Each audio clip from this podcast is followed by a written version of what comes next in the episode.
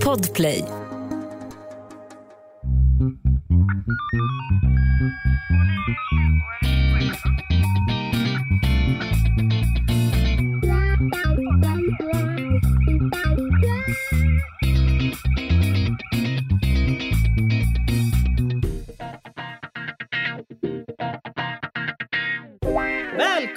Välkomna till krimpoddarnas krimpodd Över min döda kropp. Och det är jag, Anna Jinghede, som samtalar med...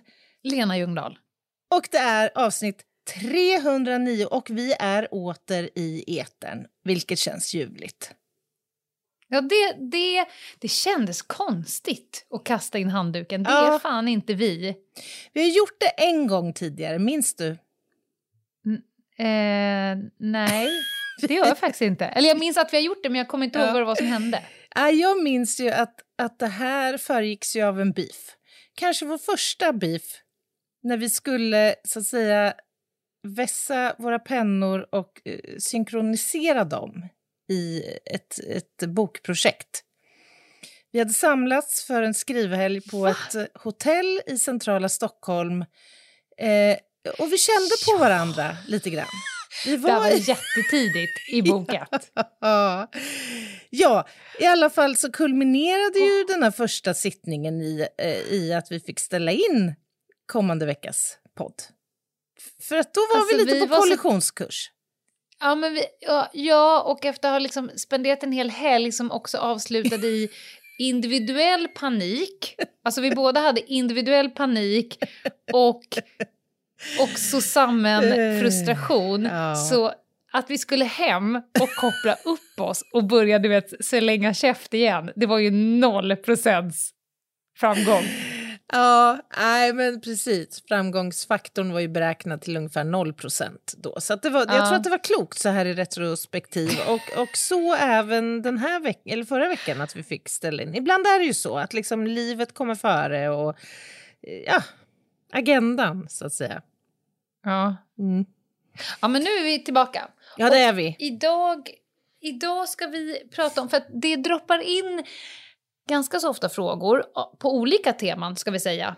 Mm. Och det är därför vi då och då ganska kontinuerligt petar in små qa eh, avsnitt för att frågorna kanske inte bär ett helt avsnitt eller så är det ett avsnitt som vi redan har varit inne på. Så klumpar vi ihop och ibland kör vi lite fritt tema Mm. och ibland kör vi eh, ett ganska så riktat tema. Det kan vara knark eller kriminalteknik. Mm, mm. Idag är det fokus på juridik. För de allra flesta frågorna på, på direktmeddelande på Instagram eller mejlen, det är så här, får man? Alltså, vad händer om det Mycket lag och rätt, mycket så här, hur är det egentligen? som Men är det inte ofta också vi får mejl under pågående, så att säga, det kan vara förfest eller familjemiddag där det beskrivs att hej, vi behöver veta vem som har rätt. Ja, Min ja. granne hävdar att jag hävdar Ja. det här. Vem av oss Ja. har rätt? Det är ganska vanligt. Just det. Det är kul. Jo, ja, det är väldigt vanligt. Det är ändå Det är kul. också tyvärr- Får, får jag bara säga det? Jag tycker ändå Ja. det känns uppfriskande att de kanske, några av dem tror att vi har någon form av jourverksamhet. Vi kommer, du kommer få svar inom en kvart. Ja, precis, medans konflikten blossar. Medans konflikten står där med sin röda plyte. Det är då vi ska Mm. Kasta in. Ja, ja så är det ju. Och, och, och tyvärr så får vi också ibland frågor som är av lite mer så här, avancerad karaktär. Alltså, Mm. jag ska in i rätten på tisdag och kommer bli av med mina barn. Skulle ni kunna ge mig bara en fempunkts liksom, powerpoint över saker jag kan trycka till en med? Nej, vi, vi är, är inte en instans, vi är inte målsägande beträden, vi är inte advokater, vi är inte åklagare. Eh, en av oss är dessutom aktiv polis, vi ska absolut inte hålla på och veva i, i liksom, faktiska case Mm. och era personliga spörsmål. De får ni ta eh, vid sidan av med någon Mhm. annan. Ja, Förslagsvis någon som jobbar med det. Mm. det är att rekommendera. Absolut. Det, ja. Men, du, Men vi har i alla fall klumpat ihop. Mm. Ja, förlåt, Nej, absolut. Det var, det var inget viktigt. Jag tänkte bara... det var dit du var på väg. Av rent logistiska skäl eh, föra Mm. på tal ordningen här. Hur, hur, hur hanterar vi denna eh, mängd av frågor vi har fått? Ja, vi kommer inte hinna med alla, det kan vi säga på en gång. Och några av er är ju varken läskunniga eller har förstånd. Så att några av er har ju skickat in frågor som inte överhuvudtaget faller inom kategorin. Var jag för hård nu? Nej, men, om vi ska vara helt ärliga. Denna vecka så är det Q&A på temat juridik. Och så kommer frågan, hur länge ska en person ha varit avliden för att en likhund ska reagera? Då är det ju någon mischmasch i liksom, så att säga, synapssituationen. Jo, absolut. Men bara som ett litet tips till dig, Lena Ljungdahl, så tycker jag gå in och läs ditt inlägg på, på Instagram. Innan ja, du... Fanns det utrymme för... Jag, jag, jag bara släpp, jag släpper det där. Jag bara säger, läs gärna ditt inlägg på Instagram. Är det nu jag ska ta mig en liten bit av en humble pie? alltså, för jag gör gärna det. Det gör jag ofta nämligen eftersom jag, alltså jag kan slå med släggan ganska snabbt. Jag, jag, tror att du formulerade det ungefär så här. Ställ alla dina frågor om juridik, brott och straff och eh, annat som du... Ja, men ungefär så. Det var ganska öppet hållet. Men, men eh, okay. absolut. Men vi kan väl säga så här att ungefär eh, 80% av er för, eh, förstod det på det sättet som jag menade. Och de andra... Det, det är bra. Det är bra. Men det jag skulle vilja säga, era andra frågor har jag skrivit ner här ja. under rubriken Spara till senare Q&A. Mm. Ja, många bra frågor. Det är inte sista gången. Nej, det var många bra frågor. Mm, mm. Men vi, och vi har inte tem tematiskt grävt in dem här. Men vi ska börja med frågan som kanske den enskilt eh, oftast förekommande frågan under de senaste veckorna. Mm -hmm. Till exempel så var det ju den frågan som journalisten som ville intervjua mig inför krimquizen i Varberg ja, återkom ja, ja. till. Varannan fråga under hela intervjun gick ut på vad tycker du egentligen om Motivs eh, podd gällande mm. Ulf Olsson? Mm. Jag bara, jag vet inte riktigt vad, vad men eh, ska vi ta det en gång för alla? För att jag kallar det ju mm. kanske ett, ett publicistiskt eh, haveri mm, mm. och ett, ett illasmakande eh, konspiratoriskt försök att rentvå barnamördaren Ulf Olsson. Mm. Vad, vad, tycker du, Anna? Ja, men alltså, först och främst, alltså det här, nu, vi är ute lite nu i någon, liksom, något provokativt, kanske liten folla. Vissa kanske inte ja. alls kommer köpa det här som, som jag säger och det du säger. Men vi Men har... Får, får jag bara... Får, mm. Ett fem avsnitts eh, podd mm. med temat att föreslå att Ulf Olsson inte är, mm. är rätt person. Det är väl också semi-provokativt? Om vi nu bara... En smula. Det får man ändå ja, säga. Ja, så jag, tror... jag tror att vi kan lägga oss på lågton där. Jag tror dessutom att den var den inte underrubricerad typ en rättsskandal i fem delar eller åtta delar eller motsvarande? Jag vet. Ah, ja, nej, jag vet inte. Men så här, alltså, först och främst så vill jag säga att jag, jag är en stark förespråkare av ett kritiskt tänkande. Mm. Och i synnerhet vad gäller juridiken och i synnerhet vad gäller vad som sker i våra domstolar. Där hör det kritiska ja. tänkandet eh, där har det en plats, absolut. Och otvivelaktigt så är det ju så att oskyldiga döms, även i Sverige, och skyldiga går fria. Även om de här två företeelserna får ändå sägas... Vi kan väl anta att det tillhör ovanligheten, trots allt sett mm. till den liksom, rättspraxis som vi har och de rättsprinciper som vi har. Men jag måste, jag måste backa det här, Ljungdahl. Jag måste säga att det som pre presenteras i den här aktuella podden det framstår inte heller för mig som så mycket annat än som ett konspiratoriskt mumbo jumbo. För, för att tala klartext. Jag älskar att du börjar försiktigt och säger det kan vara eventuellt lite provocerande. Sen två minuter ja. senare, ja. det här är fullständig crap. Uh, ja, alltså, jag har, och, och, det ska sägas, jag har verkligen försökt att liksom tweaka, vrida och vända, försöka se möjligheterna här att faktiskt kanske Mm. hitta något. Finns, har, vi no, har vi ett case Någon här? bäring. Ja. För det är ju så att målet då rörande Ulf Olsson som tilltalad och sedermera också dömd för två mord. eh, Det, det var ju till stora delar indicieunderstött, det får, det får man ändå säga. Men inte Mm. bara ju. Och, och därför skulle jag vilja ta tillfället i akt och bara lyfta fram några av de bevis som åklagarsidan faktiskt eh, åberopade och eh, eh, ja, som bevis för Ulf Olssons eh, skuld i frågan. Och, och som också eh, sedan eh, be- bedömdes väga tungt. Det var inte bara Absolut. bevis som lades fram, utan de gavs bäring också.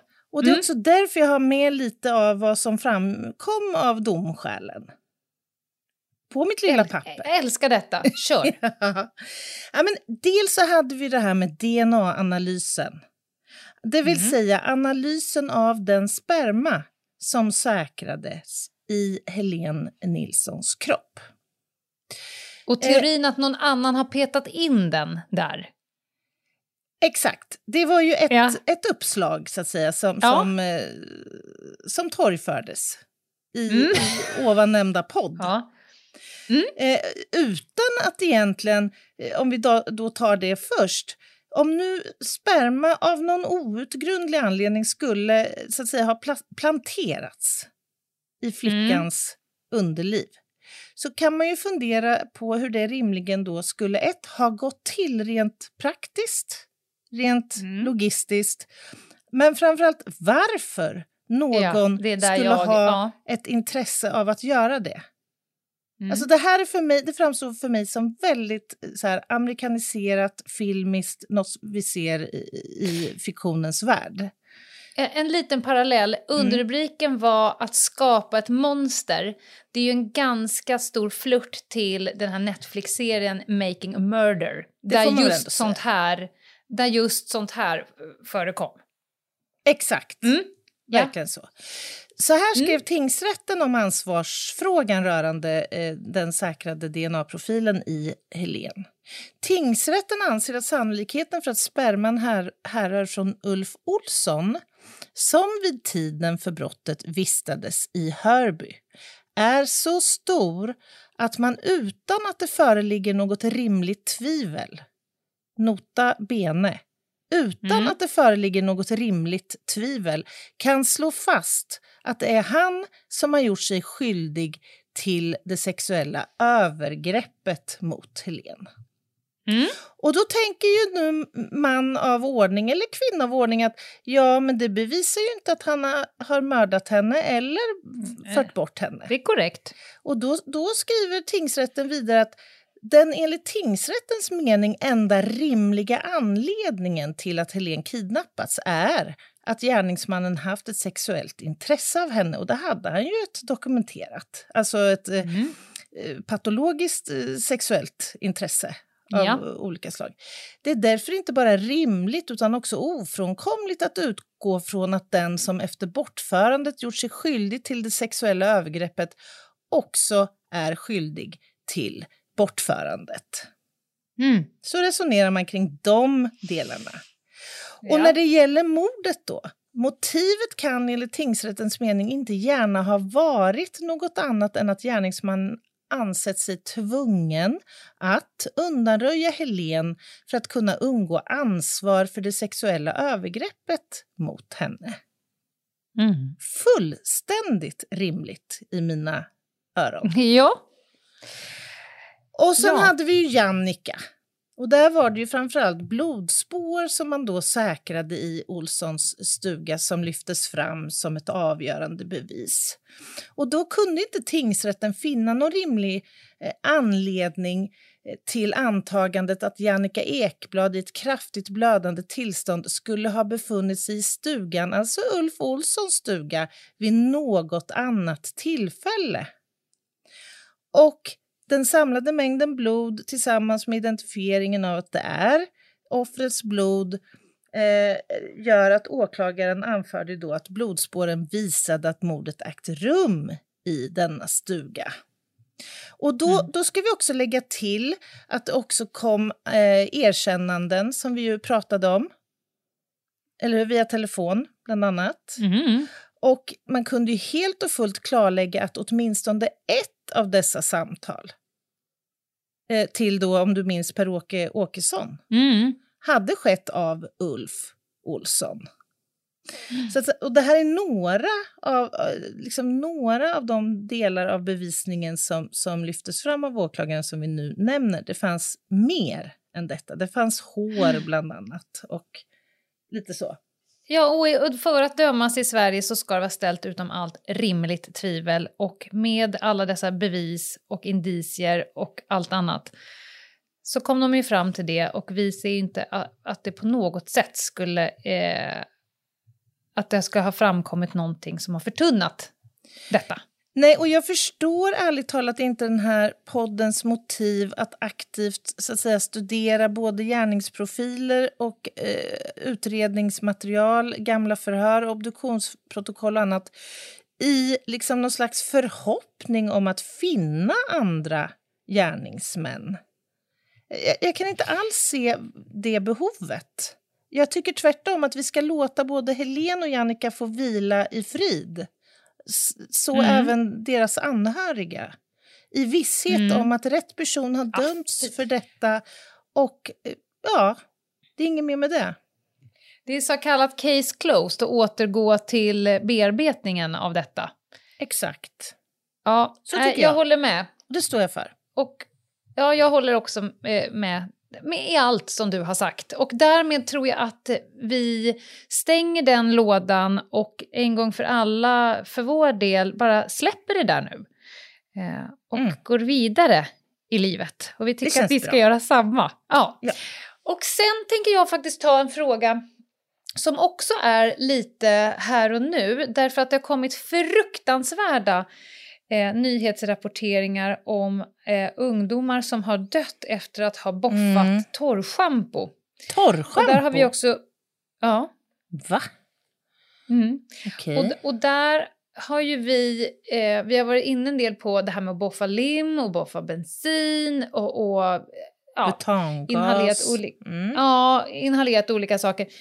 Ehm, och nu har vi fått frågor på det den här veckan, om det är olagligt till exempel. Så jag tänkte ska belysa det här på lite olika sätt. För det första, för att någonting ska vara olagligt att inta i sin kropp, och då tror jag att folk tänker utifrån narkotikastrafflagen eller något sånt där, Mm. så är det ju så att i Sverige så ska varje preparat måste finnas med på listan över olagliga substanser att, att bruka eh, om man inte har lov att bruka dem. Till exempel att fått det förskrivet av en läkare eller något sånt där. Lim, bensin, hårspray, ansiktsvatten, eh, deosprayer och allting annat. Det finns inte med på den listan. Och det finns rätt mycket berusningsmedel som inte är narkotikaklassat. Det finns ju växter som kan ge hallucinationer och så vidare. Anna Snack- vill komma in. Ja, nej, men snackar vi nu om Läkemedelsverkets så att säga, förteckning över substanser som Ja. faktiskt kan tillämpas inom eh, aktiv behandling eh, inom sjukvård och annat? Ja. Ja, alltså det kan inte, bara för att du berusar dig själv genom att sniffa lim eller bensin så är ju inte det bruket kriminaliserat. Av den enkla att i Sverige så måste själva produkten vara på en lista över preparat som du inte får stoppa i din kropp. Om ingen med till exempel ett läkarlägg sagt att det här preparatet, det ska du stoppa i din kropp. Och det gör de väldigt sällan med bensin. Men du Lena, jag läste häromdagen om en ung flicka som hade Ja. dött till följd Mm. av boffning. Ja, Var- torrschampo. Var det ett, alltså ett fall av torrschampo-boffning? Okej, Ja. berätta. Vad Och det har du på, inte- på det här? Ja, men alltså, det här är inget, det är inget nytt att, att ungdomar försöker berusa sig själv på olika sätt och de försöker komma över saker som är lätta att komma åt. De finns i dagvaruhandeln på kolonialhyllan typ. Mm. Eh, och det är ju då eh, själva gasen som, och den ger ju en berusning. Och jag vill först säga nej, det är inte olagligt. Men det är absolut livsfarligt. Och Mm. nu har vi ett nytt fall igen. Eh, på min tid satt ju ungarna och sniffade klister och lim liksom, på hustaken. Mm. när jag jobbade på Butangas Rikon- var, Ja. var inne på min tid. Mm. Och när jag jobbade på rave så var det ganska vanligt med uh, ungar som hade boffa bensin. Och får man reda på, oh. för man, man, ställer ju ganska snabbt frågan vad har du tagit? Mm. Därför att om svaret är att de har inhalerat till exempel bensin, hur de än mår så är det, då drar man ambulans på dem alltså, mm. direkt. Mm. Eh, men så här, eh, och då eh, kollar jag lite på vad överläkarna på, på Giftis, som vi kallar det, säger. Eh, Giftis. Wow. ja. Okej. Ja, låt, låt Inte Giftis! Giftinformationscentralen? Eller? Ja, ja, det var det. Men, ja. I alla fall, de säger så här att, att det här med att boffa torrschampo, det är dåligt av olika anledningar. De här äh, signalerna, de här elektriska signalerna kan man ju säga, eh, dels så ger de ju en berusning, det som når hjärnan det är det som ger berusning och det det mm. man vill uppnå. Men de når även hjärtat och det, det kan liksom orsaka ett direkt eh, hjärtstopp. Mm. Så de mm. likställer lite med att spela rysk roulette. För att det mm. kan ske första gången du gör det, det kan ske 21 gången du gör det. Eh, så, så det, är ju, det är ju livsfarligt. Och dessutom så andas du ju in små partiklar. Alla ni som har använt torrschampo vet ju att det kommer ju ut någonting. Det är inte bara gas, utan det kommer ju ut som ett, ett fin kornigt damm. Det är som ett damm, va? Ja, jag har aldrig Exakt. använt det. Ja. Och det här eh, inhalerar man ju och det hamnar i mm. lungorna och, och, det lägger sig runt... Så cellerna går ju sönder, de typ exploderar och går, och går sönder av det här. Eh, så att det, det är ju värdelöst på lång sikt utifrån mm. eh, både hjärna och, och det du andas in i lungorna. Och på kort sikt så kan det ge liksom plötsligt hjärtstopp. Mm. Och den typen av hjärtstopp höjde de upp ett varningsfinger. Det är jättesvårt att starta det igen. Alltså det är ett mm. hjärtstopp som är svårpåverkans... Alltså det, det, det framgångsfaktor är ganska låg. Det här är eh, deppigt alltså. Ja, det är otroligt deppigt. Så att alla ni ungdomar, men framförallt kanske vi har bäst lyssnarna som är föräldrar till ungdomarna. Mm. Prata med era barn om, för de kommer tid efter annan och lite beroende på vad de har för personlig palett, söka berusning och prata om farligheten i att boffa diverse jävla skitpreparat. Mm. Det är liksom... Eh, Dumt. Akut, alltså det är ja, men, akut giftigt. Mm. Det är ja, dumt. Väl talat, Lena. Och, ett, och ett, en bra uppmaning. Passa på att göra det nu när vi går på paus. För direkt efter så ska vi prata om en jädrigt spännande grupp människor, nämligen nämndemän. Poddtips från Podplay. I podden Något Kaiko garanterar östgötarna Brutti och jag, Davva, dig en stor dos skratt. Där följer jag pladask för köttätandet igen. Man är lite som en jävla vampyr. Man har fått lite blodsmak och då måste man ha mer. Udda spaningar, fängslande anekdoter och en och annan arg rant. Jag måste ha mitt kaffe på morgonen för annars är jag ingen trevlig människa. Då är du ingen trevlig människa, punkt. Något kajko, hör du på podplay. Därför är gardinerna. Välkomna tillbaka. Ni lyssnar på Över min döda kropp. Det är avsnitt 309. Vi kör en Q&A idag. Och eh, Lena, vi har fått frågor om vad nämndemän har för eh, uppgift i samhället. Mm, ja, och det förvånar mig lite eftersom vi har pratat om det här jättemycket och jag vill tipsa om avsnitt 105 som jag tror heter All Rise, där vi går igenom mm. alla aktörerna i en rättssal. Men, men eh, väldigt förenklat kan man säga att nämndemännen sitter och sover. Nej, Nej, nu kommer vi få de här arga mejlen igen. Men det, det, det har hänt. onödigt. Men det har hänt. Jag har ju själv liksom velat knögla ihop mitt papper och kasta i huvudet på någon. Hörru, vakna nu. Nej, de allra flesta nämndemännen är helt fantastiska. De är oftast politiskt eh, tillsatta eh, och det är ju för att de representerar en demokrati och sen sitter de där och tillsammans med, beroende på om man befinner sig i tingsrätt, hovrätt, så är det liksom andra juridiskt kunniga personer. Mm. I tingsrätt är det väldigt få och i hovrätten är det lite fler och sådär. Och sen så um, utgör man liksom um, den rättsskipande delen i en rättssal. Man tänker väl liksom, eller har gjort i begynnelsen när det här konceptet tillkom, att det ska finnas representation från liksom ja. alla samhällsskikt och alla samhällsdelar. Mm. Liksom. Mm. Så det bygger ju på och, en dem demokratisk princip i grund och botten. Ja, mm. det gör det.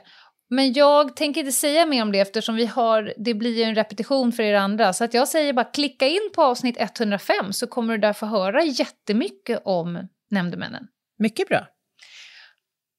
Men nu kommer ju ett, ett spännande... Men jag skulle säga så här, den som har kommit in med den här frågan Mm. Det är ju en typisk fråga som man får termin ett på polisutbildningen. då, det är då de här frågorna kommer. När man liksom försöker tänka så ah, men klockan är, det är tisdag, klockan är 18.20, du står på stadens torg, du har fått reda på och så vidare. Och så ser man någon poliselev som står och gnuggar så här, mm, ja, men om vi kommer fram och det är två stycken aliens som har landat på biltaket. Vad gör vi då då? Man bara, men Bubbis, du har inte lärt dig knyta skon än. Om vi kanske ska chilla lite med den typen av, av hårklyverier. Ja, I alla fall, frågan är så här. Frågan är så här. Det, det sker ett mord. Mm -hmm. Och mordet sker på landsgränsen mellan Sverige och Norge. Det kan också vara någon som har kollat på bron.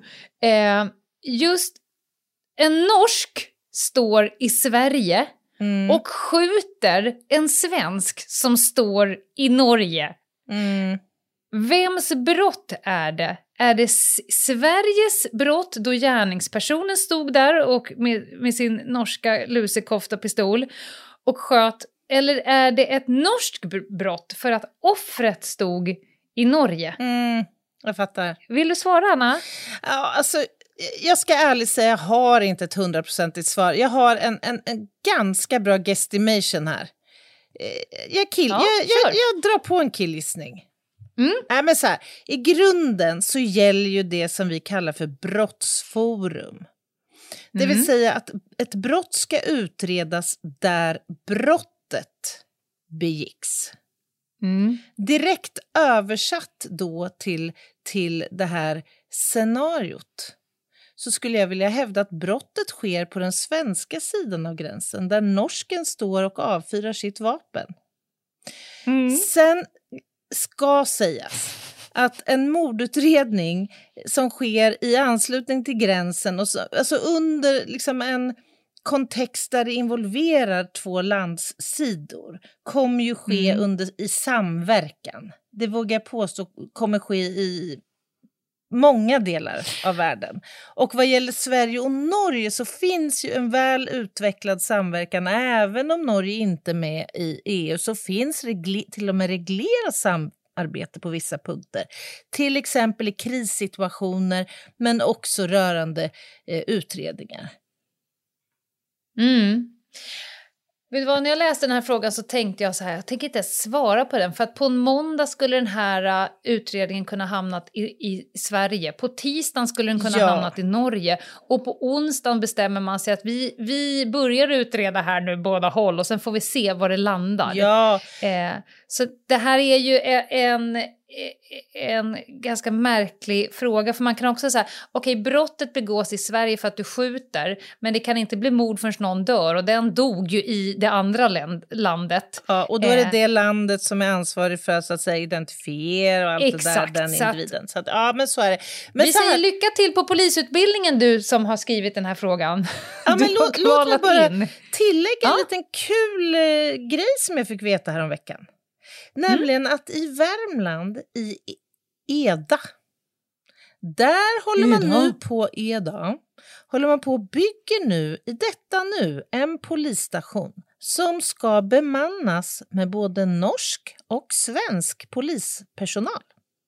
Mm -hmm. Detta för att öka, utöka samverkan ännu mer. Och jag vet, det hörde jag på konferens i Norge för någon vecka sedan, att om man nu har ett efterföljande in alltså över norska gränsen, då får svensk polis förfölja en stund tills norsk polis övertar caset. Det här har jag gjort. Ja, det kan jag tänka mig att du har. För jag tänker Jajamän, att det din har gräns. yrkesroll så måste ju det ha varit tämligen vanligt ändå. Då kopplar man upp och så säger man Hallå där! Eh, vi vill bara säga att vi åker över nu och vi har vapen. Därför att norsk polis säger tackar tackar, för det har ju inte de så att säga. Just det. Då vet vi det. Eh, men jag tycker också, kan vi inte bara stanna? Har vi pratat klart om vad som hände när du var i Norge? Har vi pratat om det i podden? Det vet jag faktiskt inte om vi har. Det kanske vi inte har. Ja, nej, och jag tycker ändå att vi ska göra en ordentlig inbromsning. Ja, tack. tack, Därför att Anna åkte på konferens till Norge. Och det behöver vi inte gå in på för det är ju liksom, du skriver vad ni gör bara. Ja, ja det, Ja. Ni, Ja. ni pratar olika pratar. saker och du ja, brukar ja. skicka bilder på människor. Den ena ser mer ut som en kriminaltekniker än den andra. Det är mycket pullovers det- och lågskor. och krökta Ja. ryggar, så att säga. Ja. Men kan vi bara prata om att du vann priset som årets kriminaltekniker? ja, men alltså jag fick ju ett oerhört hedervärt pris. Det är här Oliver klipper in något. Kjell Karlssons innovationspris som då delades ut av Norska kriminalteknikföreningen faktiskt. Ja. Så de delar för första gången ut det till en svensk kriminaltekniker. För förtjänstfulla insatser och faktiskt för mitt arbete för att främja kriminaltekniska insatser i fall som rör våld i nära relationer och våld som sker i människors hemmiljö. Jag blev så oerhört glad och stolt. Har det funnits en mer värdig vinnare någon gång? Ja, det har Nej, det har det säkert. inte. Och, och grät du eller grät du inte? Ja, jag grät så mycket. Jag kunde inte ens... Jag, kunde inte, Fulgrät jag, du? jag kom upp på scen skulle hålla någon form av tacktal inför 200 personer. Jag, jag har fortfarande en minneslucka. Jag vet bara att jag grät och jag stammade fram några olika typer av ord. Eh, Och jag hoppas att det gick fram till alla och en var hur glad och tacksam jag var för denna fina utmärkelse. Du är så jävla värd det. Tack Lena. Men du, Ja, men... nu Ja. vill jag raskt eh, gå vidare. Jaha.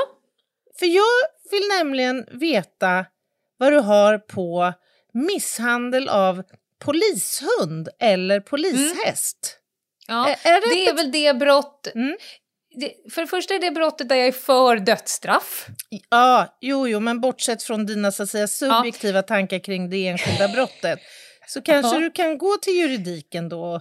Jag ska gå till juridiken, Ja. för frågan är ju om man misshandlar en polishund eller en polishäst i tjänst, räknas det som våld mot tjänsteman eller djurmisshandel? Jag skulle säga så här, varken eller. Mm. är svaret. Det finns några applicerbara brott och det beror lite på omständigheterna. Och då har jag gått in och kikat på lite olika rättsfall därför att jag är lagd åt fel håll eller rätt håll eller hur man nu ser på det. Till exempel så har jag hittat rättsfall där eh, någon har blivit dömd för djurplågeri. Där någon har blivit gripen eh, och gripandet gick till medels polishund som Mm. jobbade ner den här eh, gripna mannen mot marken. Varpå den gripna mannen utdelade en större mängd med sparkar mot polisens, eh, polishundens huvud. Oj. Och den här personen blev dömd för djurplågeri. Sen så är det flertalet fall där personer har blivit dömd för skadegörelse för att hunden klassas faktiskt som egendom. Egendom, ja. S- Som du skulle ge dig på min hund Doris eh, och det inte skulle nå upp hela vägen till djurplågeri s- och jag skulle anmäla dig, då är det ganska troligt att du skulle bli misstänkt, åtalad och dömd för eh, skadegörelse. Vilket känns i en djurmänniskas hjärta, det måste vara skillnad att slå på min cykel än på mitt barn. Alltså Ja, ja, då. ja, men det kan jag absolut köpa. Men är det en orimlig tanke att polishunden till exempel skulle kunna eh, utgöra en tjänste... Ja, man Nej. kanske är fel, men...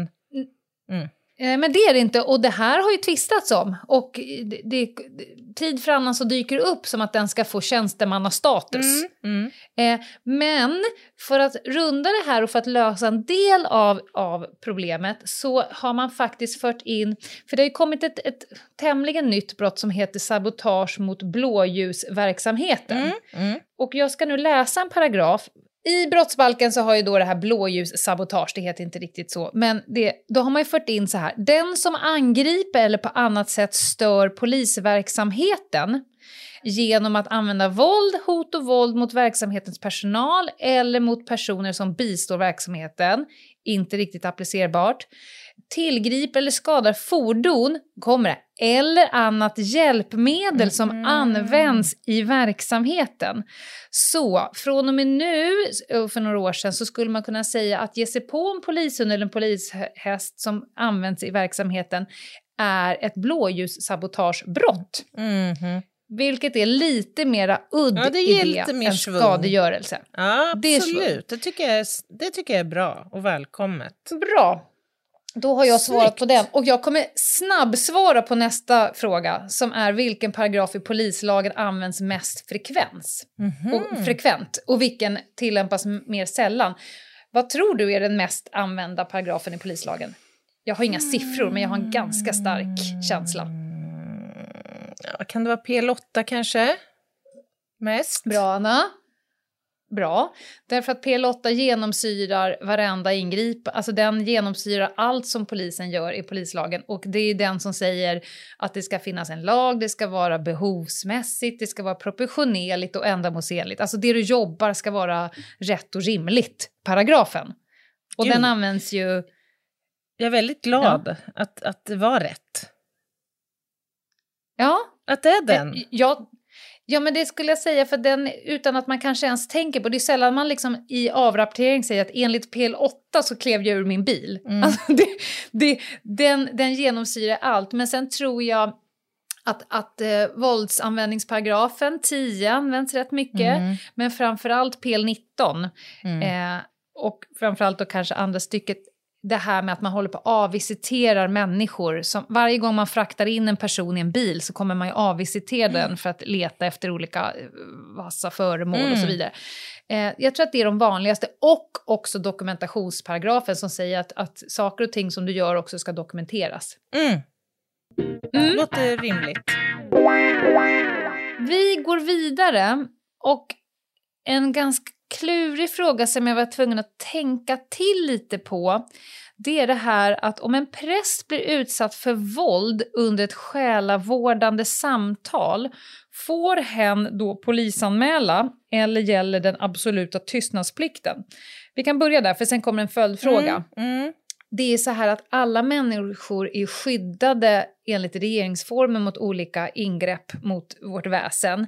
Och det är inte så att bara för att du, du signar upp för att bli prälle, Nej. som det heter, så avskriver du rätten till frid mot ingrepp. Så att om du skulle bli utsatt för våld så är du mars pannkaka och polisanmäla. Ja, och det, är ju samma princip som för poliser egentligen. Korrekt. Mm. Korrekt. Eh, och sen så står det så här, om samma präst bevittnar till exempel ett övergrepp på barn eh, i sitt hem på ledig tid, får hen anmäla det? Eh, alltså, ja, för så här är det. Eh, Präster har absolut tystnadsplikt och absolut tystnadsplikt är starkare än vanlig tystnadsplikt. Och det betyder att inom vissa eh, situationer, och då pratar vi bikt och själavårdssamtal, enskilda själavårdssamtal och bikt, Mm. då är det en absolut tystnadsplikt. Eh, då, då, eh, den här Alltså personen under exempel... yrkesutövning. Exakt. Ja, men inte, inte Eller? all yrkesutövning. Om du, håller i, om du har söndagsskola för ett gäng ungar och någon blir eh, övergreppad där så har du inte den absoluta tystnadsplikten. Men Nej. i bikt och Jag i själavårdssamtal, ja. Ja. Då har du det. Och, och den, till exempel så är du ju undantagen från att vittna. Du behöver inte som präst vittna om vad som har framkommit i, under bikt och själavårdssamtal. Mhm. Ehm, men frågan, om du bevittnat övergrepp på ett barn i, i ett hem, då, du håller inte på med någonting av din yrkesutövning nu. Och då dessutom så är socialtjänstlagen det här med att man är skyldig att göra orosanmälan vissa verksamheter, till exempel sjukvården. Mm.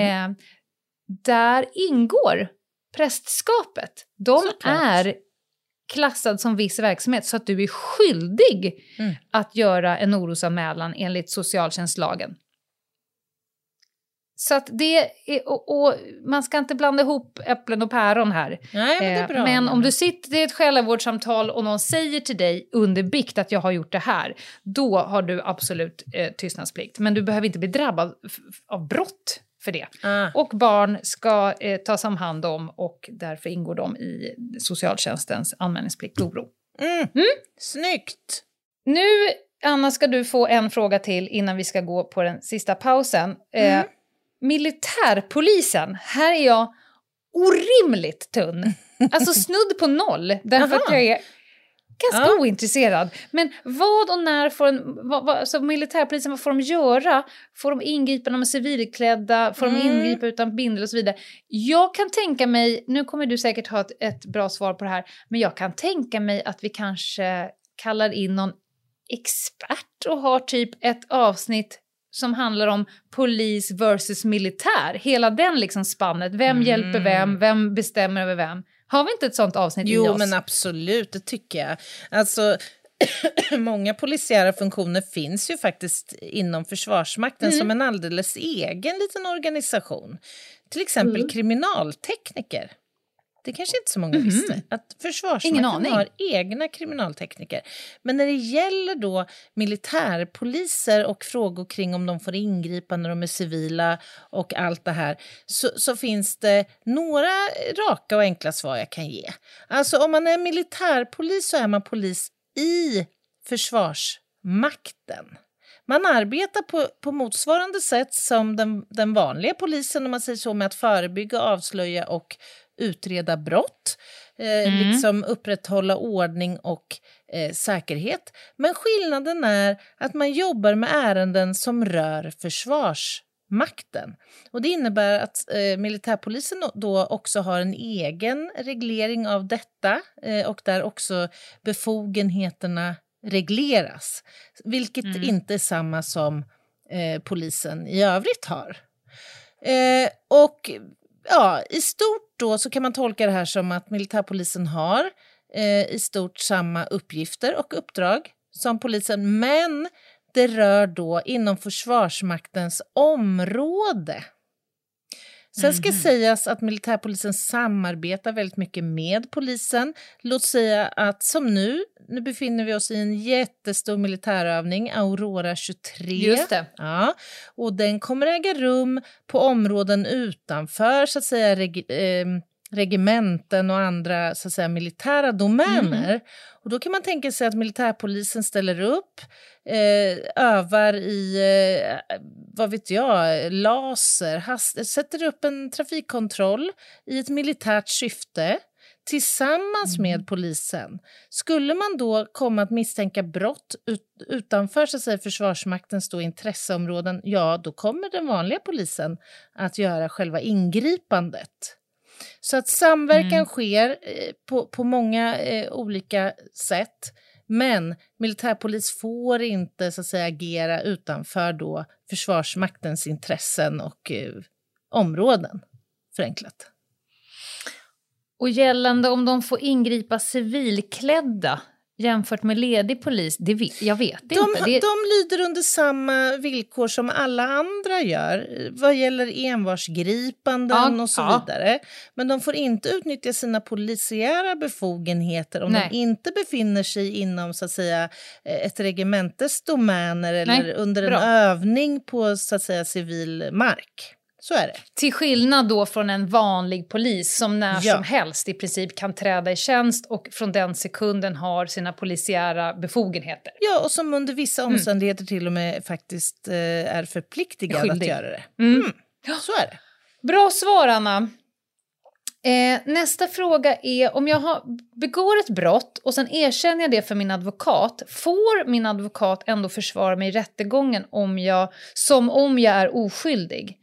Då skulle jag säga så här, ja, ja skulle jag säga får, men jag skulle säga att det är ganska olämpligt. Därför att enligt god advokatsed, din försvarare får inte ljuga i rättssalen och får inte lämna felaktiga uppgifter. Så om du har erkänt ett brott så, så kan inte till exempel din försvarare bestrida sånt som dyker upp Just i rättssalen eh, så, som, om, om jag då som försvarare vet att det som sägs är sant, då kan inte jag säga bestrida det och säga att det där är lögn, det är på det här sättet. Då går du utanför advokat och då är det ganska eh, sannolikt att du eh, utesluts ur advokatsamfundet och det kommer du inte vilja. Så jag skulle säga så här, om du börjar med att erkänna brott för din advokat, då kanske du ska ta en annan i rättssal. Ja. För annars så, du ska eh. jämföra med att du har en försvarare som är extremt vingklippt. Mm. Eller så kan man mm. se på det som att om du väljer att erkänna ett brott för din försvarare mm. så gör du det med visshet om att din försvarare ja. fortsatt kommer tillgodose dina intressen som en part i ett mål. Ja. Alldeles Exakt, och, och, och, den kan ju liksom fortfarande verka i rättssalen, eh, ja, eh, driva definitivt. dina intressen och så vidare. Men den kan inte eh, ljuga och säga eh, och låtsas om som att den inte vet att du har gjort brottet. Precis. Nej. Och eftersom Lena Ljungdahl precis körde över pausen som vi just skulle ha så tar vi den nu istället. Poddtips från Podplay. I podden Något Kaiko garanterar östgötarna Brutti och jag, Davva, dig en stor dos skratt. Där följer jag pladask för köttätandet igen. Man är lite som en jävla vampyr. Man har fått lite blodsmak och då måste man ha mer. Udda spaningar, fängslande anekdoter och en och annan arg rant. Jag måste ha mitt kaffe på morgonen för annars är jag ingen trevlig människa. Då är du ingen trevlig människa, punkt. Något kajko, hör du på podplay. Därför är gardinerna.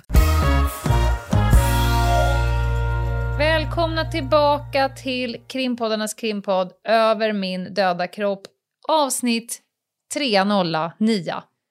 Och Anna, nu mm -hmm. ska vi in i lägenheter där du har varit och eh, slabbat med kolpulver, bryta upp plankor och hållit på. är det, är det bostadsrättsinnehavaren som får pröjsa? Ja, alltså det här är en jättebra fråga en utgångspunkt för oss när vi gör brottsplatsundersökningar det är ju självklart att försöka bevara så långt vi kan inventarier, liksom själva byggnaden och så vidare. Men absolut, det händer att vi river... Och både, återställa. Återställa. Det händer att vi mm. river både väggar och golv därför att det underliggande syftet anses vara så, så starkt och viktigt, det vill säga utreda mm. brottet. Eh, och, och, det är ju så här att för att i den här frågan så handlade det också om eh, att någon som inte var så att säga involverad i själva händelsen blev drabbad. Låt säga att någon hyr en lägenhet i andra hand och så kommer polisen en dag och knackar på och säger att nu får du utrymma för här ska vi göra en brottsplatsundersökning. Mm. Och så får man flytta tillbaka två veckor senare och hela huset är besudlat med kolpulver, upprivna golv, rivna väggar och vad det nu kan vara. Så är det så här att först och främst så ska vi säga att tvångsmedel kan ju riktas annan, eh, till exempel ja. avspärr, spärra av en lägenhet eller en, lägenhet, eh, en bostad för att genomföra en husrannsakan och eller en brottsplatsundersökning. Det i sig är inga mm. konstigheter. Men till detta så, så följer att man också faktiskt kan ansöka om att få skadestånd. Och det här regleras i skadeståndslagen som anger att staten då i tredje kapitlet, andra paragrafen, ska ersätta till exempel ren förmögenhetsskada som vållats vid myndighetsutövning, till exempel genom en brottsplatsundersökning. Så om ja. egendom skadas så utgör det en kostnad som tillkommer själva förundersökningen men som sen också kan innebära skadestånd till den som har drabbats av detta. Ja, kan innebära. Alltså i, i mitt fall, jag har ju brutit upp något så fruktansvärt mycket dörrar när det ska mm. husrannsaka med knark. Ja. Och är det så att du har en marijuanaodling hemma och polisen har brutit upp dörren för att eh, göra en husrannsakan, då kommer du inte få ersättning eh, för den dörren. Nej, men det beror så det, bedöms, ja. det bedöms från fall till fall. Så är det, absolut. Men mm. om det drabbar annan, som i det här ja. Eh, fallet, så eh, kommer det mycket väl kunna innebära skadestånd, ersättning. Du, eh, vi har fått en fråga om det här med domstolar. Om det finns mm. olika typer av domstolar för så att säga olika typer av brott. Och varför är det så i så fall? Ja, alltså olika domstolar finns det ju och det vet vi. Det finns ju tingsrätt, hovrätt och, och, och högsta domstol. Det är ju våra tre domstolar kan man säga. Men jag tror att det de menar är att det finns eh, inom det allmänna domstolsväsendet, de allmänna domstolarna så finns det till exempel eh, domstolar som bara pysslar med sjörätt, mark och miljö, patent och så vidare. Mm. Och jag skulle säga så här att det är ju för att vissa brott kräver ju en ganska smal, nischad men särskild kompetens mm. för att kunna att, att sitta och, och, och döma i ena dagen, skadegörelse, klotter, ringa narkotikabrott, fortkörning och så vidare. Och så helt plötsligt kommer ett ganska knivigt patent. eh, alltså, det, mm. det, krävs en annan expertis för att kunna. Jag säger bara bless your little heart om du som nämndeman bara råkar landa på mark och miljödomstolen. Mm. Eh, så att det, det är en kompetensfråga skulle jag säga, för att, för att det ska vara rättssäkert. Och ja. därför finns det flera olika specialdomstolar för x antal olika eh, genrer. Och återigen, det här ska vi vara jäkligt tacksamma för existerar ja, Att någon vill hålla på med patent. Land. Ja, men ja. alltså att, att det fungerar så. Ja. Det är som du säger en, en rättssäkerhetsfråga. Att man vill få sitt case avdömt av människor som faktiskt vet vad, vad det handlar om. Den specifika ja. sakfrågan. Jag undrar, jag, Anna, om vi ska ta en sista fråga innan jag sen ska brinna av på en rövhatt. Mm. Och då ser jag att vi har ungefär hälften sen av frågorna kvar. Så att ni kan förvänta att in, inom en ganska snar framtid kommer det komma ett avsnitt till. För att vi har jätteintressanta eh, frågor. Jättemånga bra kvar. frågor. Ja, men mm. allt från att eh, få polisen skjuta ihjäl djur med sitt tjänstevapen för att förkorta lidande, allt med rymning från fängelse, hur mycket en polis får störa en prostituerad för att nå köp. Alltså vi har jätteintressanta frågor, mm. Mm. men vi kommer inte hinna med dem. Men du ska få en sista fråga mm. som jag vet ligger dig ganska nära hjärtat. Mm. Och den lyder så här, hur kommer det sig att familjerätten gång på gång tvingar barn till umgänge med våldsamma pappor. Vad har de egentligen för lagstöd till det? Kommer du prata om definition familjerätt eller får jag ta den först? Ja, du kan ta den först om du vill. Det går bra. Den, jag tror att den är ganska missvisande mm, för man tror att familjerätt rätten är en domstol mm. som har egna lagstöd och utdömer umgängestvång. Jag vill bara säga stopp och belägg. Alltså familjerätten är ingen utdömande instans, det är Nej. ingen domstol utan det är en, ett, ett hjälporgan kan man väl säga. Som en kommunal inrättning. Exakt, och som kom, jobbar väldigt mycket inom ramen för liksom social eh, tjänstens domän. Om till exempel mamma och pappa i en skilsmässa inte kan komma överens, då går man till familjerätten och med en, en så att säga, någon, någon, person i mitten mm. gör upp lite om umgänget och vem ska köpa vinteroverall och så vidare. Därför att det är en, en verksamhet som ska hjälpa till eh, för barn, med barnet i, i syfte. Så att familjerätten tvingar inte någonting, de har inga lagstöd till någonting. Så kan man säga. Så är det. Det är tingsrätten och hovrätten mm. och andra instanser. Och ja, hur ska jag sammanfatta detta kort och koncist? Först så tänker jag så här. Det, det är ju en debatt som har varit pågående nu ett tag ja. med anledning av det, det, det, det otroligt hemska som hände ja. Tintin. Eh, som, ja, vi, vi, låter det bara vara för att det är så outgrundligt sorgligt. Ja. Men att debatten ens finns och att detta ens sker med påtvingat umgänge eh, är ju för mig, framstår för mig som helt obegripligt egentligen i själ och mm. hjärta. Sett till att vi befinner oss i en tid då barnrättsfrågor har fått en stor liksom, ett stort fäste i vårt samhälle. Barn... Ett uppsving, verkligen. Ja, mm. barnkonventionen har blivit lag. Vi har en ny barnfridslagstiftning för bevittnande av våld, våld och, och allt det där. Och om jag ska mm. försöka mig på att göra någon slags eh, analys av läget som vi har och mm. orsaker till att detta ändå sker så skulle jag vilja säga att dels så beror det på att barnets bästa, det är ett begrepp som återkommer i massa olika ja. verksamheter och i lagstiftning.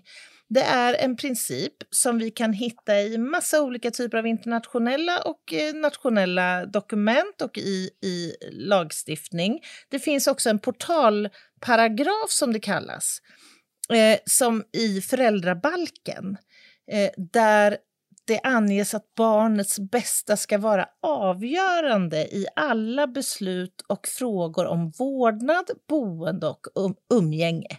Så om vi först mm. bara landar i det, att barnets rätt har en egen uttrycklig paragraf i föräldrabalken. Sen kommer vi då till själva eh, problemen här, eller utmaningarna. Dels så handlar det om att begreppet barnets bästa inte är kanske så tydligt definierad som man skulle Nej. vilja. Det saknas liksom här lagtext och tydliga definitioner. Däremot så ska sägas att det finns vissa kriterier och principer som då berör vad som är barnets bästa som man ska ta i beaktande i vårdnadstvister. Mm. Eh, och då tittar man på föräldrars lämplighet och samarbetsförmåga. Man tittar på barnets behov av kontakt med sina föräldrar, barnets rätt att komma till tals, barnets rätt till en liksom kontinuerligt, ett kontinuerligt umgänge med sina föräldrar och så vidare. Och det här är då kriterier som ska beaktas och bedömas i en utredning inför ett avgörande i domstol och i domstol i varje enskilt fall. Och det är nu det börjar bli trilskigt på riktigt. Mm. Här finns det lite rapporter, förstår du, Ljungdahl. Jämställdhetsmyndigheten, mm. Till exempel, de har gjort en kartläggning där det framkommer att uppgifter då om våld som har framkommit i en utredning där man då kartlägger vad som är barnets bästa mm. tas inte upp överhuvudtaget i domar trots att det finns omnämnt i utredningar som föregår prövningen i domstol. Så alltså man tar det inte ens i beaktande. Och det kan man fundera på, vad beror det på? Eh, och det innebär ju i förlängningen att ett barns mm. eventuella akuta fara eller de negativa effekter och risker som det medför att leva med en våldsam förälder inte överhuvudtaget beaktas. Det är ju inte att sätta barnets bästa i centrum. Nej. Eh, och det här är ett fatalt misslyckande, om du frågar mig. Alltså, då har, redan där så har man ju misslyckats. Sen ibland så kan det handla om att det finns flera faktorer som så att säga står i kontrast till varandra och där man måste mm. väga vad som är bäst för barnet? Är det att bevara barnets behov av att vistas i en familjemiljö och att ha kontakt med sina föräldrar? Står det i konflikt med behovet att skydda barnet från risken att utsättas för våld? Då måste man göra någon slags bedömning här. Och här framgår det för mig som att det saknas en ganska djup kunskap om vad det innebär för ett barn att leva med en våldsam förälder och den risk det kan innebära i ett liksom, akut skede för ett mm. sånt här mhm. barn. Ja, alltså det är mycket. Föräldrabalken förespråkar ju eh, den här så, kallade kontaktprincipen, alltså barnets behov av en nära och god kontakt med båda föräldrarna. Mm. Och det här mm. poängteras ju som en viktig utgångspunkt då för domstolarna, men kanske en för hög utgångspunkt och ett för ja, högt pris. Det är där jag fastnar. Alltså, mm.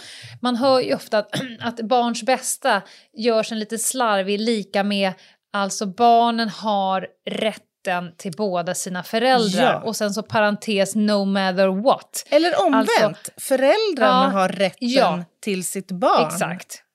Mm. Och, och, och det, fan alltså, man ja, vill ju inte ha fler exempel på där, där det har gått före barnets skyddsbehov. Nej, men alltså det finns ju många exempel på att en kvinna får till exempel ensam vårdnad om ett barn till följd av tidigare våldshistorik. Ändå får då pappan umgängesrätt.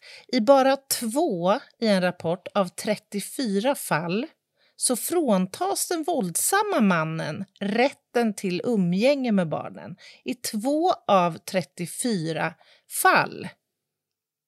Det där blir man ju för fan...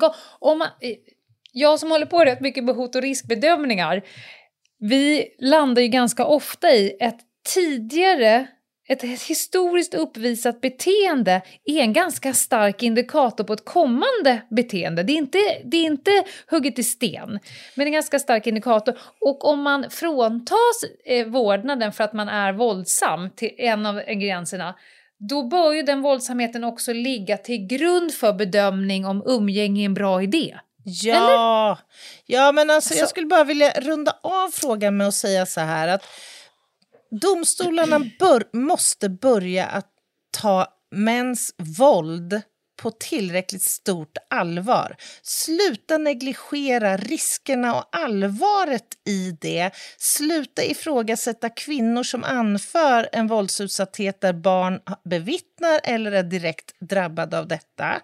Vi behöver mm. också ha markeringar i lagen som förhindrar tvångsumgänge. Det är inte klokt mm. att barn som bor på skyddade boenden tillsammans med sina mammor tvingas med umgänge med pappan trots att de många gånger inte vill ha ett umgänge. Och, får jag bara ryta i en sista liten punkt? Kör! Låt dammluckorna gå! Domstolarna måste fan ta mig höja sin kunskap om riskerna med våld, eh, förstå riskfaktorer men också förstå vad det gör med ett barn som lever i dessa miljöer på längre sikt. Även om man mm. överlever stunden idag och några år framåt så kan det här få jättesvåra konsekvenser för de här barnen i vuxen tid. Alltså man kan ju knappt... Jätte, alltså det är så bra sagt Anna och jag, här skulle vi kunna prata om hur länge som helst. Jag bara fastnar vid bilden av mamma misshandlad, bor här, Eh, barnet har bevittnat detta under lång tid, kanske också eh, drabbad Direkt för våld. Utsatt, ja. Scenen där mamman behöver fösa in ett gråtande barn mm. till en våldsam pappa och säga vi ses på ah. måndag. Känslorna i mamman, Nej. känslorna i barnet i den stunden. Jag hade fan tagit mitt barn under armen och bara försvunnit. Men också det hade det är, inte hänt kan jag säga. Men också det är väl för helvete en av de mest kända riskfaktorerna för grövre våld mot en kvinna är väl separation och ja. en tvist rörande barn. Mm. Sluta blunda för verkligheten. Skärp er bara. Skärp er. Annars så hamnar ju de här jävla barnen i Annas forskning och Anna forskar ja, på barn som är döda på grund av våld. Då får hon läsa om dem sen Ja, det vill jag eh, inte. Nej, det vill du inte. Nej. Bra, Anna. Det vart ju nästan som en bonusrövhatt där på slutet. Men jag har en liten naggande god rövhatt. Men innan dess kanske lite samhällsinformation. Ja, men låt dem oss prata samhällsinformation. Vi tar det här mm tråkiga först. Det här med e-posten. Nej, ja, Nej men så här, om man vill komma i kontakt med oss så kan det vara ja. bra att veta att vi hänger på Instagram, Ljungdahl och Ginghede. Och vi har en mejladress. Hej at Ljungdahl och Ginghede.se. Men du, ska vi prata lite grann om vår krimquiz-turné också? Vi ska, det ska vi. vi. på turné. Vi ska vidare. Ja, vi, ska vidare. vi var ju i vi var ju i Varberg och gjorde premiärs. Och nu, ja. 13 maj, ska vi till Ystad. Och det är faktiskt det enda inplanerade gigget där det finns biljetter kvar. Dubbelgig i Göteborg, mm. slutsålt. Västerås Steam, slutsålt. Så det, det, Ystad är sista chansen nu utifrån vad vi har in, planerat in i nuläget. Ah. 13 maj, Ystad Saltsjöbad. Man går in på deras hemsida, klickar sig fram till evenemang eller event eller vad det heter. Och då är det krysch med krysch, eller vad det heter. Då är det... så, så kan vi kalla det. Krysch med krysch. Ja. Nej, men alltså vi har ju gjort ett gig. Det var ju superhärligt ja. ju. Varberg. Ja, det var det. Varbergs teater. Wow, vilket gäng. ja, det var jätteroligt. Vi var ja. lite nervösa, för vi, det var ett nytt koncept för oss, men vi kan bara säga att det gled. Ja, det gjorde det. det, gjorde det. Jag har en information till innan -huh. rövhatten. Mm -hmm. Och det är att när ni lyssnar på det här så är det torsdag. Mm. Det är alltså dagen före fredag. Och nu på fredag så händer det som inte har hänt på länge. Det är dags för merch. Just det. Och vi har haft podd sedan 2019, vi har släppt en jävla massa merch. Vi brukar ha sista fredagen, alltså löning, första fredagen efter löning brukar vi släppa en merch som bara säljs i 24 timmar. Mm. Och då alla våra nya, för vi har fått sju helvetes mycket nya lyssnare sista, låt säga halvåret. Ja. De har ju som metod att de hittar oss och sen går de till avsnitt ett och så börjar de från början och så benchar de hela podden. Det är och ju ett sjukligt beteende faktiskt. Också älskvärt. är du en hoppare i poddar? Duttar du eller? Ja, jag duttar. Jag duttar. Jaha. Ja, jag lyssnar inte på poddar, så jag kan, men jag tycker att det är älskvärt. Men det vi har kommit till vår kännedom, det är att folk säger åh nej, den där merchen som ni pratade om, Mm. den skulle man ju ha haft och den här merchen skulle man ha haft och sådär. Och då har ju vi väldigt snällt bearbetat, eller vi har snällt frågat Podstore och bearbetat och sagt så här, hörni, vi vet att det är rätt mycket logistiskt krångel för er. Mm. Ja, men skulle vi kunna ta våra fem mest så här, omtyckta och efterfrågade, om vi i 24 timmar får, får köpa en av fem så, best, best in test, best in show. Mm. Okej då. Så att nu har de gått med på det. Så att eh, på fredag så kommer våra topp fem. De som har sålts mest, de som efterfrågas oftast och de som är liksom mest så här, önskade. Mm. De kommer att säljas i podstore.ses shop endast i 24 timmar. Mm. Alltså från eh, torsdag klockan 00.01, alltså när den slår över till fredag, till midnatt natten mellan fredag och lördag. Hela fredagsdygnet. Mm. Och det är inte först till kvarn, utan alla som handlar under den så får köpa. Och om ni vill se dessa merch så går ni in på vårt Instagram, för där kommer vi lägga upp massa produktbilder. Eh, Mm-mm. Det är Fäll ner och det är Syra-gruppen och det är Locardo. Nu Mm. räcker det med frågor och sen kommer jag inte ihåg vad den sista är. Jo, Mm. Sneakiness. Just det. Ja, Ja, ja, det, Det var är det. härligt. Det var det. det var det. Men du, kan man få den där rövhatten levererad nu som på ett litet silverfat? Den kommer här. Lenas rövhatt. Den är ganska kort men naggande god därför att jag har varit på spa. Bubben, det drar. Eh, jag har varit på det ljuvliga stället Orbaden och, eh, med min systerdotter. Jag har skrivit bok, hon har pluggat och vi har eh, hotstonat oss och så vidare. Och så vidare. Men vi var inte själva på det här spat, Nej. utan jag har exponerats för Homo sapiens i koncentrat. Ja, i badrock. Och då fylls ju så att säga listan på Mm, med rövhattar. Och eh, det var ljuvligt på alla sätt och de allra flesta eh, skötte sig. Så som, för det, det finns ju liksom ett beteende som man måste lägga, det finns en frekvens man måste ligga i när man går på spa. Är du med på det? Ja, det finns ju liksom en marginal som man måste så att säga Ja. tänja lite på. Man måste ha lite överseende i de här lägena. Ja. Ja. Alltså folk kanske eh, betalar pengar, de söker något, för att om det här är inramat av sån här infinity pool, man ligger och tittar på Mm. liksom ljusnan. Eh, man har någon sån här uh, lite delfin Ja. i bakgrunden. Det som där är i och för sig väldigt konstigt. Ja. Ja. Ja, men Men okej. ändå så här, efter några dagar så blir det ett normallum. Eh, och, och folk hasar runt i sina velouroveraller och, Mm, mm. och sådär. Då vill jag prata om, om två stycken sällskap som utmärkte sig. Jaha. Det ena var Britta och, och, och Gunilla. De var förmodligen från Gränges eller någonstans. Ja. Det lät ja. lite så. Och, och då fanns det lite olika pooler. Det fanns en pool med mineraler i och så fanns det en lite mer som man kunde småsimma i och så fanns det bubbelpool och utomhuspool och så vidare. Mm. De betedde sig som att de var på Skara sommarland. Alltså vi pratar kvinnor 60 plus nu. Britta, ser du att jag kan simma? Alltså de typ skrek. Jag var ju tvungen att resa kanske mig bara upp hörde och gå, dåligt. Alltså, jag vet att du är en väldigt fin person och ganska ofta hittar förmildrande omständigheter. Men du skulle bli förvånad över hur sällan det faktiskt finns. Och svaret egentligen bara är att man är dum i huvudet.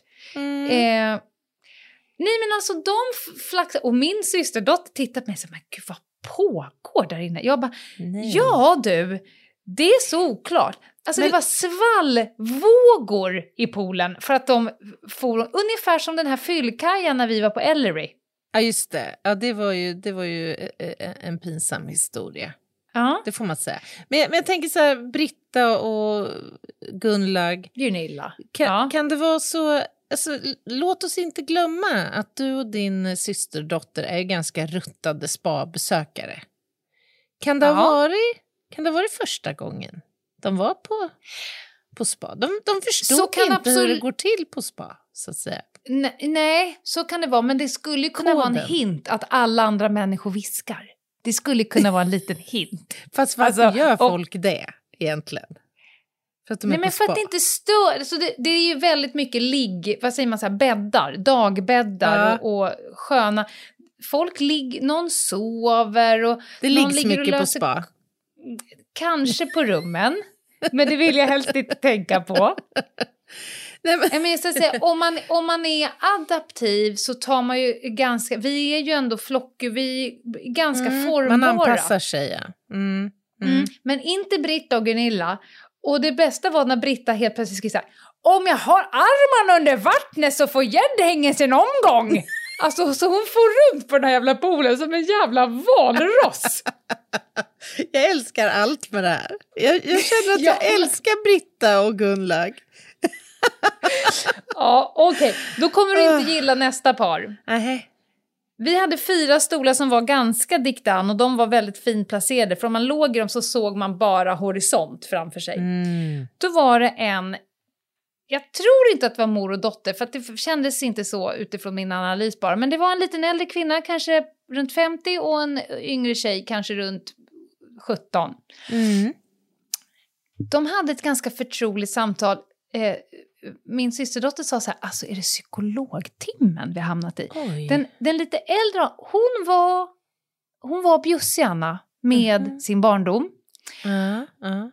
Och hon pratade inte i en ton så hon ville att den yngre damen skulle få liksom hennes oerhörda eh, visdom och information om sin barndom. Utan hon la sig på en ton så hon Mhm. vill, alltså det var så tydligt att hon ville att vi skulle höra. Nej! Därför att om, in, om inte den här människan i mitten var hörselskadad.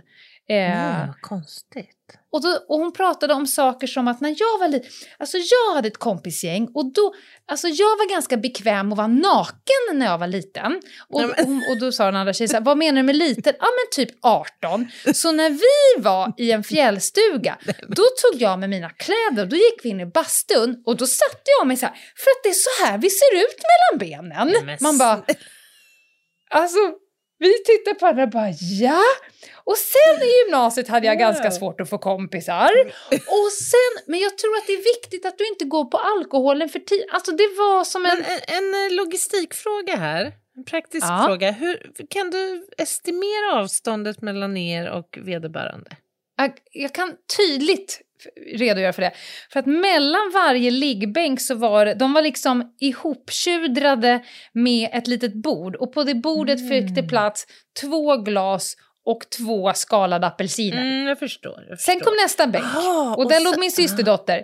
Sen var det en liten bänk till, eller en liten sån här äh, där man har glasen. Mm. Och sen kommer då tredje bänken. Så att om min systerdotter sträckt ut sin hand till vänster Ja. så hade hon Så hade killat Britt, den här andra Close Britta. encounter. Ja, Ja, jag förstår. Exakt. förstår.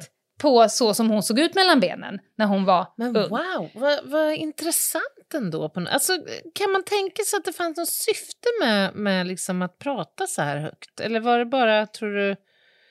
Jag tror att hon Ett... ansåg sig själv vara en fantastisk mentor, role model och coach till det här äh, unga flickebarnet. Det är där vi har det. Alltså att allt är naturligt. Mm. Alltså, du ska känna dig fullt bekväm med din kropp. Det finns ingen som ska tala om för dig hur du ska ha din kropp. Om du vill liksom visa dina behag så ska killarna inte titta på det. Och vill du inte det, det är också okej. Alla får välja. Man bara, who are you? Men är det här, tror du, nutidens... eh, Så att säga, har det här fenomenet ersatt dåtidens värstingresor? Tror du? Alltså minns du tiden när man tog med den bråkiga ungdomen på värstingresa i Karibien? Man åkte Vad är det? Nej men va? Jo, jo, man, man Värstingresa, då... är det bästa svängen Hökarängen? Ja, men Eller? ungefär så. Alltså det var ju, fanns ju Aha. en tid på kanske 90-talet eh, en, där det var väldigt populärt att boka Västindien-seglatser med segelbåt. Oj. Och där, Aha. dit man då rekryterade ett antal ungdomar som var så att säga på glid, som hade olika typer av liksom, utmaningar i tonåren med det ena och det andra. För Ah. att så att säga fostra dem under den här expeditionen då. Mhm. Och det här resulterade ju inte så mycket annat än att vid första hamn som, som de ankom i, i, i Karibien, så att säga, eller i Västindien, Då gökades det. ja då, då var det ju gök och det var krök och liksom allt sånt där. Man tappade några ungdomar säkert på några av de här, i de här hamnarna också. Det, det föll ju Ja. inte så väl ut så att säga. Är det Okej, nya nu? Du tänker Man att det har tar- ersatts med att man man tar- åker till spa? Ja, men jag tänker man tar ungdomen under armen Ja. som nu behöver stöttning. Sen drar man på spa helt enkelt. Ja. Så kör man den terapeutiska delen då tillsammans med andra på något vis. Alltså så kan det vara, men jag som fullbetalande resenär, Uppskattar inte det här. Det skulle jag inte vilja påstå, när man har Britta bakom ryggen som beskriver hur hennes gäddhäng slår mot bålen när hon springer i en pool. ändå, det tycker jag ändå är uppfriskande. Samtidigt som en Som moster det sitter och berättar hur hon ser ut mellan benen i en bastu på 90-talet. Alltså det, det blir en dimension som jag inte uppskattar. Åh. Så vem vill du rikta rövhatten? Är det Nej, jag vill- beteendet överlag när man åker på spa? Eller Nej, alltså, finns jag en vill- kodex här? Alltså, hade jag bara tagit paret innan då skulle jag säga lite integritet har väl för fan inte drabbat någon.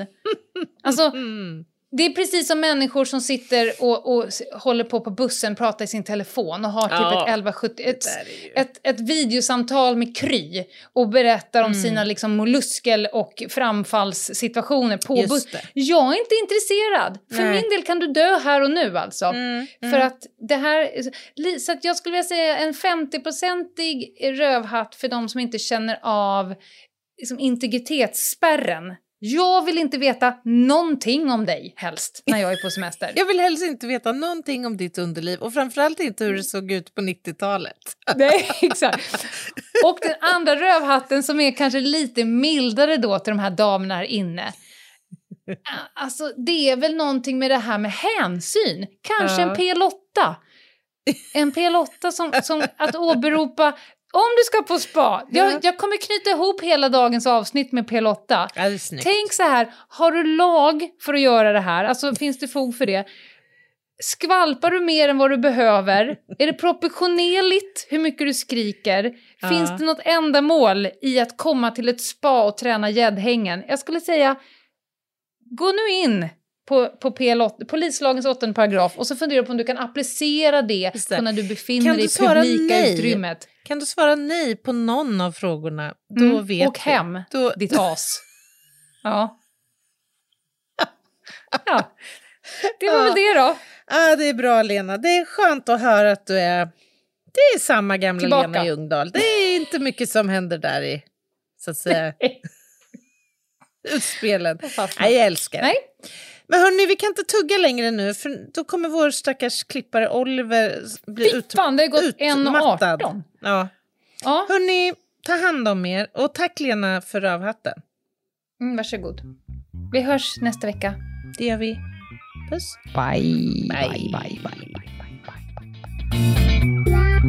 bye.